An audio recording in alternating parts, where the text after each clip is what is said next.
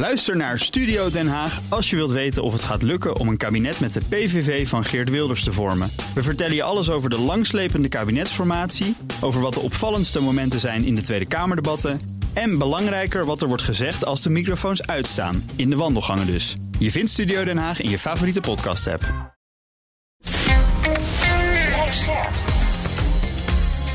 BNR Nieuwsradio. Boekenstein en de Wijk. Hugo Reitsma. Dit is een extra uitzending van Boekenstein en de Wijk in verband met de oorlog in Oekraïne en de crisis met Rusland. Het is maandag, dag 285 van de invasie. Een dag die begon met mysterieuze explosies op twee Russische luchtmachtbases, honderden kilometers van de Oekraïnse grens. Ja, het is echt, uh, echt vreemd hoor. Het zijn dus twee uh, airbases. Hè. De Engels 2 airbase ligt toch echt zo'n ruim 500 kilometer van de Oekraïnse grens. grens vlakbij het plaatsje Sa Saratov. Hè. Uh, en daar, heb je, daar, daar stijgen dus de Russische strategische bommenwerpers op. Hè. Ja. En dan heb je nog een andere base, Ryazan, die is nog iets verder. 600, 700. Dus beide bases kunnen dus niet bereikt worden door de Oekraïnse uh, raketten, zou je zeggen. Het gaat dus gewoon veel te ver. Nou, er zijn uh, doden en gewonden bij gevallen. In Ryazan is ook een voetbaltruck, dus een, een brandstoftruck is geëxplodeerd. En in reactie daarop is er een, zijn er een heleboel Russische raketten afgestuurd. Meer dan twaalf op Oekraïnse doelen. Uh, en dat heeft dus geleid dat bijvoorbeeld in het plaatsje Zumi dus de, de, geen elektriciteit meer is. En er zijn ook gewonden bijgevallen. Volgens mij waren het er veel meer hoor. Had je, ja, dat, dat, had je dat getal van 12 gezien? Volgens mij was ja, er een hele hoop. Ja, more than a dozen staat er bij mij. Meer dan 12. Oh. Maar goed, dan moeten we maar eventjes kijken. Wat ik aan Rob wil vragen, en ook aan Hugo trouwens, van... Wie heeft dit nou gedaan? Ja, geen idee. en, en, en, hoe, en, hoe kan je dit doen? Dit is, dit is gewoon 500, 600 kilometer. Nou ja, als er een truck is geëxplodeerd, dat, die truc kennen we. Dat hebben we eerder gezien op uh, de brug naar de Krim toe. He, er is ook een truc uh, uh, geëxplodeerd, tot ontploffing gebracht. En daar zat Oekraïne gewoon achter. En we weten inmiddels ook ongeveer hoe dat gedaan is. Ja, het zou dit, dit zou weer kunnen zijn gebeurd. Maar het is wel een huzarenstukje hoor. Moet je, ja, en een truc op, een, op een brug krijgen lijkt me makkelijker dan een, een luchtmachtbasis binnenrijden. Nou ja, ik vond al, bij die brug vond ik het al opmerkelijk dat ze het voor elkaar kregen om op het juiste moment tot de explosie te laten brengen. En er kwam ook ja. nog een keer een trein langs. Dus ja, ja het, het, het, zou, het zou kunnen. Het is wel ver van huis. Dat kun je volgens mij inderdaad alleen maar met een truck doen. En, en die, die aanwijzing is er ook omdat op een van die bases daadwerkelijk ook een, eh, een ontploffing is uh, gekomen. Dat hebben de Russen ook uh, erkend. Hm. En maar, ja, het is interessant ja. dat je hierover begint, want nu we praten, loopt uh, Poetin doodvrolijk op die Kerch-brug ja. rond. Want daar is het andere truc-incident plaats. De Kerkbrug. Kerk. Nou, we weten allemaal dat, dat de, de, de, ja, de Kerkbrug moet je zeggen. Hè? We weten allemaal dat de Russen bang zijn dat, dat die brug aan flarden wordt geschoten. En dan loopt, loopt hij daar in een, in een prachtige winterjas loopt Poetin daar Dat was een beetje de heropening, geloof ik, hè? dat de brug ja. weer volledig in gebruik is. Ja. Maar ja, ik denk dat hij misschien toch een slechte dag heeft met dat ja. nieuws van die basis. Uh, ja, nou als, het natuurlijk, als het natuurlijk waar is, kijk, toeval bestaat. Uh, daar kunnen we het uh, sowieso wel over eens zijn. Dus het is nog niet gezegd dat het zo is. Maar het is wel opmerkelijk dat Rusland direct daarna gewoon al die raketten heeft afgevuurd op, uh, op Oekraïne. Hm. Dus die gaan er denk ik wel vanuit van uh, hier zit Oekraïne achter, want anders doe je dit niet op deze manier. Er was overigens nog een ander bericht gisteravond volgens mij van een Oekraïns defensieconglomeraat. Dat zeiden dat ze met succes een eigen gemaakte kamikaze-drone hadden getest met een bereik ja, van duizend, duizend kilometer. kilometer. Ja. Ja. ja. Daar kan je, nou. kan je zelfs het Kremlin mee raken. Ja, klopt. Ja, want, ik want vraag me dan af uh, wat dan het, uh, uh, het vermogen is, het explosieve vermogen is van zo'n van zo'n drone. 75 kilo stond er. Ik heb geen idee of dat veel of weinig is. Maar... Nou, dat valt, niet, dat valt wel mee volgens mij. Dat is niet... Oké, okay. nou, het hangt er vanaf hoe je hem, waar hij op terecht komt. Ja. Je moet er niet onder staan. nee, maar misschien was dit wel de succesvolle test, denk ik dan. Nou ja, één uh, op, op, op, ja, dat zou, dat zou, ja, dat is natuurlijk gespeculeerd van je welstand. Ja, totaal. Eén ding is zeker, er is gewoon op een van die basis is een vrachtwagen tot, uh, tot explosie gekomen. Ja. Uh, dat, is, dat is zeker. En het lijkt mij ook de meest veilige manier om het te doen op dit ogenblik. Maar ja, het zou, het zou kunnen. Het is gewoon soldaat van Oranje. nou ja, dat is natuurlijk zo'n huzarenstukje is ook uitgehaald met die uh, vrachtwagen op die Kerkbrug. nou goed, maar uh, jongens, laten we nog gewoon even afwachten wat er nou, uh, wat er nou ja. uitkomt en wat hier nou precies is gebeurd. Maar het is wel heel interessant. ja. Als, als Oekraïne erachter zit, hè, want het kan ook altijd nog zo zijn dat er gewoon echt iets fout is gegaan. Dus dit, hier moeten we een beetje mee uitkijken, denk ik, met al te hooghazen conclusies trekken. Eigenlijk jij zei dat er ook bij de Dnipro uh, nog van alles was ontploft. Of wat was het verhaal? Nou ja, even dus de context aan te geven. In Gerson zelf, hè, daar hebben we dus die bevrijding van gezien. Maar dat is dus nu een hele droevige stad, want er wordt constant gebombardeerd uh, door de Russen. Uh, en, de, en de Oekraïners willen nu heel graag dat de artillerie van Rusland dus verder weg wordt gejaagd, waardoor Gerson veilig komt te liggen. Ja. En, en je ziet aan beide kanten dus van de Dnepr dat er nog vreselijk uh, gebombardeerd wordt. Met alle ellende van dien. Hè. Zondagavond een 65-jarige vrouw met haar man probeerde via een boot de andere kant van de nepper te bereiken. En dan hebben de Russen haar dus gewoon neergemaaid. Hmm. Het is allemaal treurig. Maar er was ook een bericht, dat noemde Rob ook. Uh, van dat er inderdaad af en toe zijn Oekraïners aan de andere kant van de Dnieper, nemen ze ook een mhm. vlaggetje mee. Mhm. Of dat blijvend is, weet ik allemaal niet. Ja, dat hebben ze nu weer net gedaan. Hè? Dus ze hebben een, een bruggenhoofd geslagen. Ja, dat klinkt allemaal wat militair en nogal definitief, maar de vraag is echt of het kan. Ze hebben op de Oostoever een vlag gehezen. Dat was de eerste keer trouwens dat dat uh, gelukt is. Ja, dat is natuurlijk ook in belangrijke mate symbolisch. Hè? Maar wat interessant is, is dat Oekraïne heeft gezegd, verlaat de Oostoever van de Dnipro. Hm. Uh, Doe dat zo snel mogelijk. En ze hebben vervolgens hebben ze ook het verbod uh, op uh, het overvaren hebben ze opgeheven om dit mogelijk te maken. En ja. tegelijkertijd zie je dan in die, in die periode dat dat bruggenhoofd geslagen is met dat de vlagje dat gehesen is.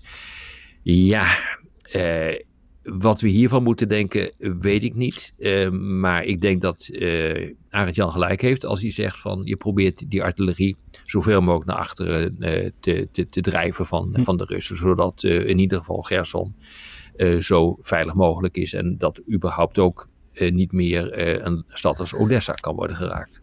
Ja.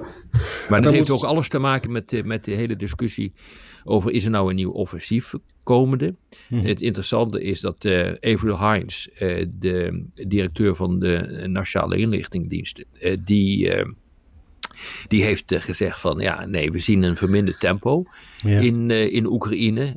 logisch, want de winter is in aantocht. Het is een grote bende, een modderbende in veel delen van uh, van Oekraïne. Zeker op het slagveld waar uh, dit soort operaties uh, plaatsvinden. Maar ja, die, de, de, de Oekraïne zelf zeggen van nee, we gaan gewoon door. Want de winter is voor ons toch wel een groot voordeel. Zeker als het lekker hard gaat vriezen. Want dan kunnen we gewoon weer met ons zware materieel over het land rijden. Ja. En de Russen zitten nu in de defensief. Daar moeten we gewoon gebruik van maken. Dus het, het grappige is, de Amerikanen die worden nu terechtgewezen door de Oekraïners. Ja. ja. En dan moeten we naar de prijsplafond. Want dat is vandaag dus echt helemaal rondgegaan. Oh, van olie. Ja. Van olie, gaan olie. Hè? En dan hebben we het dus niet over de ruwe olie. Dat gaat pas in februari. Hè? De, de Russische ruwe olie die noodzakelijk is voor diesel. Daar gaan we dan over praten. we praten over de olie via tankers. Um, en niet dus de olie via pijpleidingen. Dat heeft Hongarije ja. bedon. Nou, 60 mhm. dollar is het geworden. En er zijn er twee scholen. Er zijn de optimisten en er zijn de pessimisten. Hè. Het doel is natuurlijk dat de Russische inkomsten dus verminderen. Zonder een, een mondiale olieschok te veroorzaken. Hè. Ja. Nou, wat zeggen de optimisten? Die wijzen erop van... Nou, er wordt al veel meer olie gekocht van uh, Amerika, Brazilië, Guyana en het Midden-Oosten. Dus dat gaat... Venezuela gaat open. Venezuela gaat open. En ze zeggen van, nou, in de laatste weken is de markt, oliemarkt een beetje zacht geweest. Hè? Dat betekent dus dat kennelijk de Russische olie niet meer zo kritisch is voor, voor de uiteindelijke prijs. Mm -hmm. nou, en dan zeggen ze als tweede argument, 60 dollar is niet te hoog. Want anders zouden Russische inkomsten hoog blijven, maar ook niet te laag, omdat Rusland dan niet meer zou ja, produceren. Ingewikkeld, ja. Nou, en het derde argument, elke twee maanden komt er een review, een herziening van die prijs. En de Iraanse sancties die bewijzen dat dat een effectieve flexibele methode zou zijn. Hm. Nou, de, de pessimisten zeggen van, ja jongens, dat is allemaal leuk en aardig, maar Rusland kan natuurlijk gewoon stoppen met leveren helemaal. Ja, dat, dat, vind ik dus ook, ja. Ik behoor natuurlijk Ja. altijd eh, tot dat soort eh, types, omdat ik Ja. niet het zonnetje in huis ben. Dat, eh, ja. En verder heeft Rusland is bezig om een, een schaduwvloot van tankers te organiseren. Waarschijnlijk is dat te weinig, dus zullen ze toch nog wel bronnen moeten gaan sluiten. Nou, die schaduwvloot van oude tankers, dat kan natuurlijk tot natuurrampen leiden. Daar wordt ook voor gewaarschuwd, hè? mhm. Oh. En verder, als het dus allemaal, als ze echt eh, zouden besluiten om oliebronnen te sluiten, dan gaat dat natuurlijk India en China ontzettend schade. En die doen juist niet mee met die sancties. Dus dit is, de pessimisten hebben nog hele goede argumenten dat het helemaal mis kan gaan. Nee, het doet mij een beetje denken, Arend Jan, over eh, de, dis- eh, aan de discussies die we eerder dit jaar hebben gehad over eh, Repower EU. Eh een derde minder, ga- twee derde minder gas voor het eind van het jaar en een derde om de winter door te komen. Die moesten we dan nog maar houden van, eh, van, eh, eh, van Rusland. Eh, en daarvan werd ook gezegd van nee, dat, eh, hij gaat dat niet doen. Hij heeft dat geld gewoon nodig en eh, hij gaat ons niet afsluiten. Nou ja, ondertussen Nee, is nee. dus wel 1 en 2 afgesloten. Eh, dus ehm, ik denk, het kan bijna niet anders dan dat eh, Poetin, inmiddels toch een beetje doorhebbend hoe hij redeneert, gewoon met een tegenmaatregel komt. En het Kremlin heeft al gezegd, er wordt, komt een verbod aan landen die de, de price cap, dus de maximumprijs, accepteren. En dan wordt het heel erg interessant, want dit gaat dus over zeetransporten, niet over landtransporten, maar een land Ja. als Hongarije of Slowakije of de Tsjechische Republiek, Die krijgen via pijpleidingen. die krijgen via pijpleidingen uit Rusland eh, dat, eh, die olie. En dat betekent dus eh, dat ze tegelijkertijd ook akkoord zijn gegaan met, eh, met de price cap. Ja. Ja. Dan al- als, als dit zo is, dan kan het bijna niet anders eh, dan dat het Kremlin zegt van het alles goed en wel.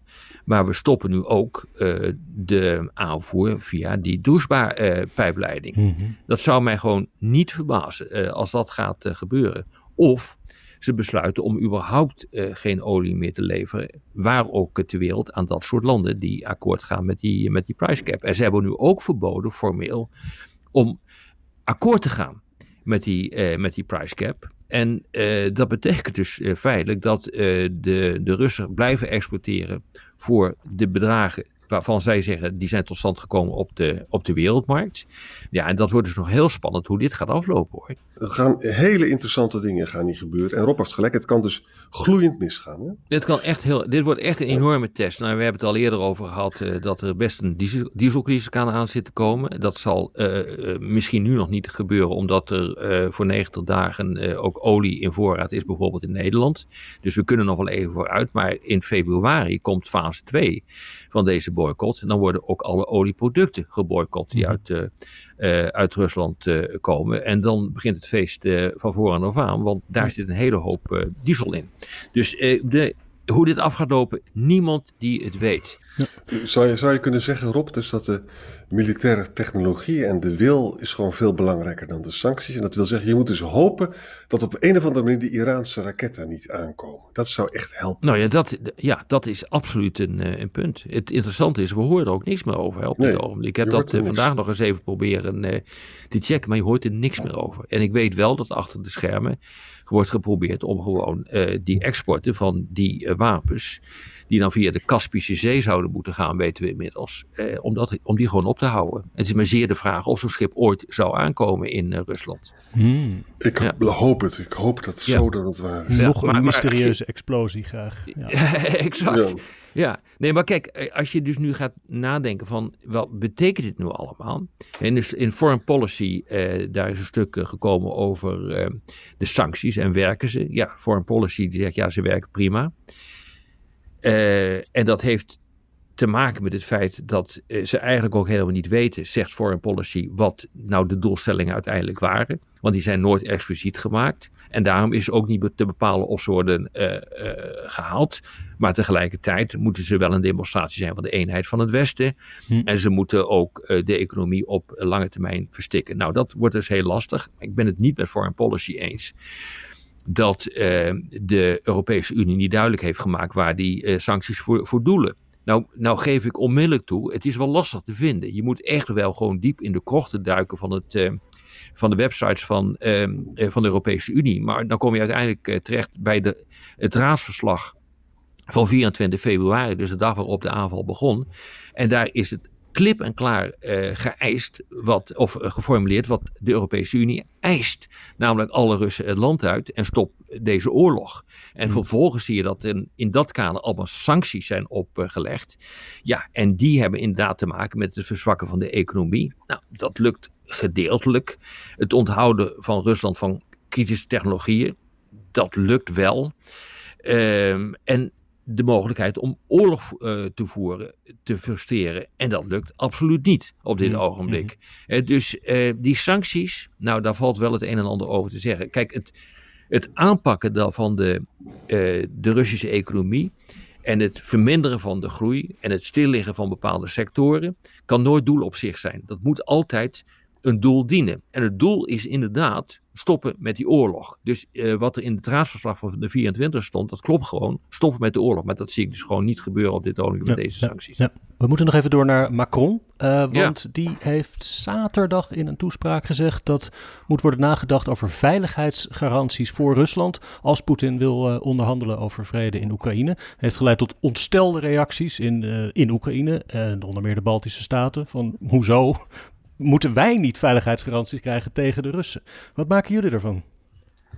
Nou, weet je, iedereen is boos op Macron. Hè? Ja. Maar uiteindelijk, jongens, het is altijd verstandig. Het is altijd beter om te praten dan te vechten. En het is zeker zo als je vecht met elkaar en je ziet een mogelijkheid om ergens een staakt het vuur te krijgen, dat doe je dus via praat, dan is dat ook winst. En het is ook niet verboden om na te denken vanuit de belangen van alle strijdende partijen. En ik weet dat het moment nu natuurlijk nu lijkt slecht gekozen te zijn. Maar straks, als blijkt dat uh, Poetin toch in staat is met zijn bestaande wapens en soldaten om een behoorlijk deel van de Donbass te behouden, ja, dan, dan zal er op een gegeven moment toch gepraat uh, gaan worden. Nou, kijk, weet je wat het is, uh, uh, Jan? je moet even teruggaan naar december vorig jaar, een jaar geleden, waar de Russen, Poetin, eisen op tafel heeft gelegd bij de NAVO en bij de Amerikanen. En dat waren eisen van alle troepen van Amerika weg uit het oosten van het NAVO-gebied. Uh, geen uh, grootschalige troepenverplaatsingen uh, in dat gebied en het weghalen van die troepen uit het grensgebied. Nou ja, ja. ga zo maar door. dat was voor de NAVO, voor de Amerikanen, was dat ten ene male, ja, ja, ja, verwerpelijk. Die, die wil daar niet eens over praten. Dus er wordt automatisch nu gedacht in deze hele discussie, sinds Macron dat zegt, van oh, dan gaan we dus kennelijk toch praten over die eisen die de Russen destijds, precies een jaar geleden, al bijna een jaar geleden, op tafel hebben gelegd bij de NAVO in Brussel en bij de Amerikanen in het Witte Huis. Ja. en dat kan inderdaad niet de bedoeling zijn. Dus ik denk dat Macron iets anders bedoelt. En dat kan ik me voorstellen dat je ook nog een keer de tegenstander uh, erbij uh, betrekt bij, je, bij je activiteit om uiteindelijk te komen tot een regeling. Maar ik denk dat dit gewoon echt het hele probleem is, waardoor die, die Balten onmiddellijk in de, ja. in de stress zijn geslagen. Dat denk ik ook, ja. En natuurlijk ook de neutraliteit van Oekraïne, die dan dus de onderhandelingskaart is. Hè? Ja, exact. exact. En geen verdere uitbreiding van de NAVO, die stond ja. er natuurlijk ook in. En dan heb je en, in, de, in ruil daarvoor heb je een handtekening van Poetin dat hij belooft dat hij voortaan uh, geen landen meer binnenvalt. Ja, en dat daar heb je ook dus, niks aan natuurlijk. Dat gelooft geen hond. Dus nee. uh, dat, dat is het hele punt. En ja, maar weet je, dit is nogal allemaal ver weg hoor. Want als je kijkt, uh, wat uh, dus Biden heeft gezegd van nou, ik wil best uh, praten met, met, met, met Poetin. Maar dan zullen we toch eerst even um, um, con moeten consulteren met de NAVO-bondgenoten. Ja, er kwam echt een enorm ijzige reactie hè, uit Moskou. Pesco die zegt, ja, natuurlijk willen we wel praten, maar dan zullen jullie Amerikanen toch eerst even moeten erkennen dat de bezette gebieden nu Russisch zijn. Ja. ja, weet je, dat maakt het natuurlijk gewoon eigenlijk bijna ondenkbaar ondenkbaar om hierover te praten. Bovendien heeft uh, uh, ja, Zelensky die wil niet praten. Daar heeft, die heeft een decreet getekend dat hij dus helemaal niet mag gaan praten. Ja. Uh, heeft in een interview met Bloomberg medio november nog een keer gezegd... we gaan door tot we alles terug hebben gewonnen. Ja, en de eisen zijn niet veranderd bij Poetin. Ja, Poetin gaat voor een overwinning op dit ogenblik. Dus ja, jongens, dit, dit, dit gaat nog wel even duren hoor, op deze Ja. manier. Dat denk ik ook. Nou, misschien nog tot slot even een k- klein verhaaltje over gas, want dat vind ik wel geestig. Kijk, welk land heeft natuurlijk de gaskraan het minste opengezet in, in, de, in de nationale huizen? Natuurlijk Nederland. Oh ja, Ja, dus Nederlanders hebben dus 34% minder verbruikt dan vorig Wauw. jaar. ja. En, en Duitsland, Italië en Frankrijk en Spanje zo'n tussen de 20 en de 33 procent. We zijn Nou, dus ik moet echt- zeggen, wij komen aardig in de richting hoor. In dit eh, kleine huishoudje van ons. ja. Nee, echt, Heb jij de ik, eh, thermostaat ook zo laag staan? Ja, in sommige kamers staat hij gewoon uit. Maar ja, dat staat hij Ja. eigenlijk altijd al. Maar als ik kijk wat je gemiddeld verstookt Ja. in Nederland en wat wij verstoken. Nou, dan zitten wij daar gewoon eh, de helft is het Hm. dan. Dus dat is op zich wel, eh, wel grappig. Terwijl we helemaal niet zo goed geïsoleerd huis hebben helaas. Nee, ook ook niet zonder niet. panelen zoals Arend-Jan. Oh, maar ik zit hier eh, gewoon met een dikke trui aan in huis hoor. Het is volgens mij een gaatje of 17. Hoe is het bij jou, Arend-Jan? Oh Ja, mijn ik, god. ik, moet je, ik moet je tot mijn Nee, dat schande went wel hoor. Ja, in, mijn, in mijn woonkamer is het wel lekker warm. En Ja. ook in de, in de badkamer ook, maar de rest is uit. Ja, ja, dat doen wij dus ook. En in de Ja. woonkamer, ja, weet je, ik zit altijd met een dikke trui aan, want ik heb het altijd koud.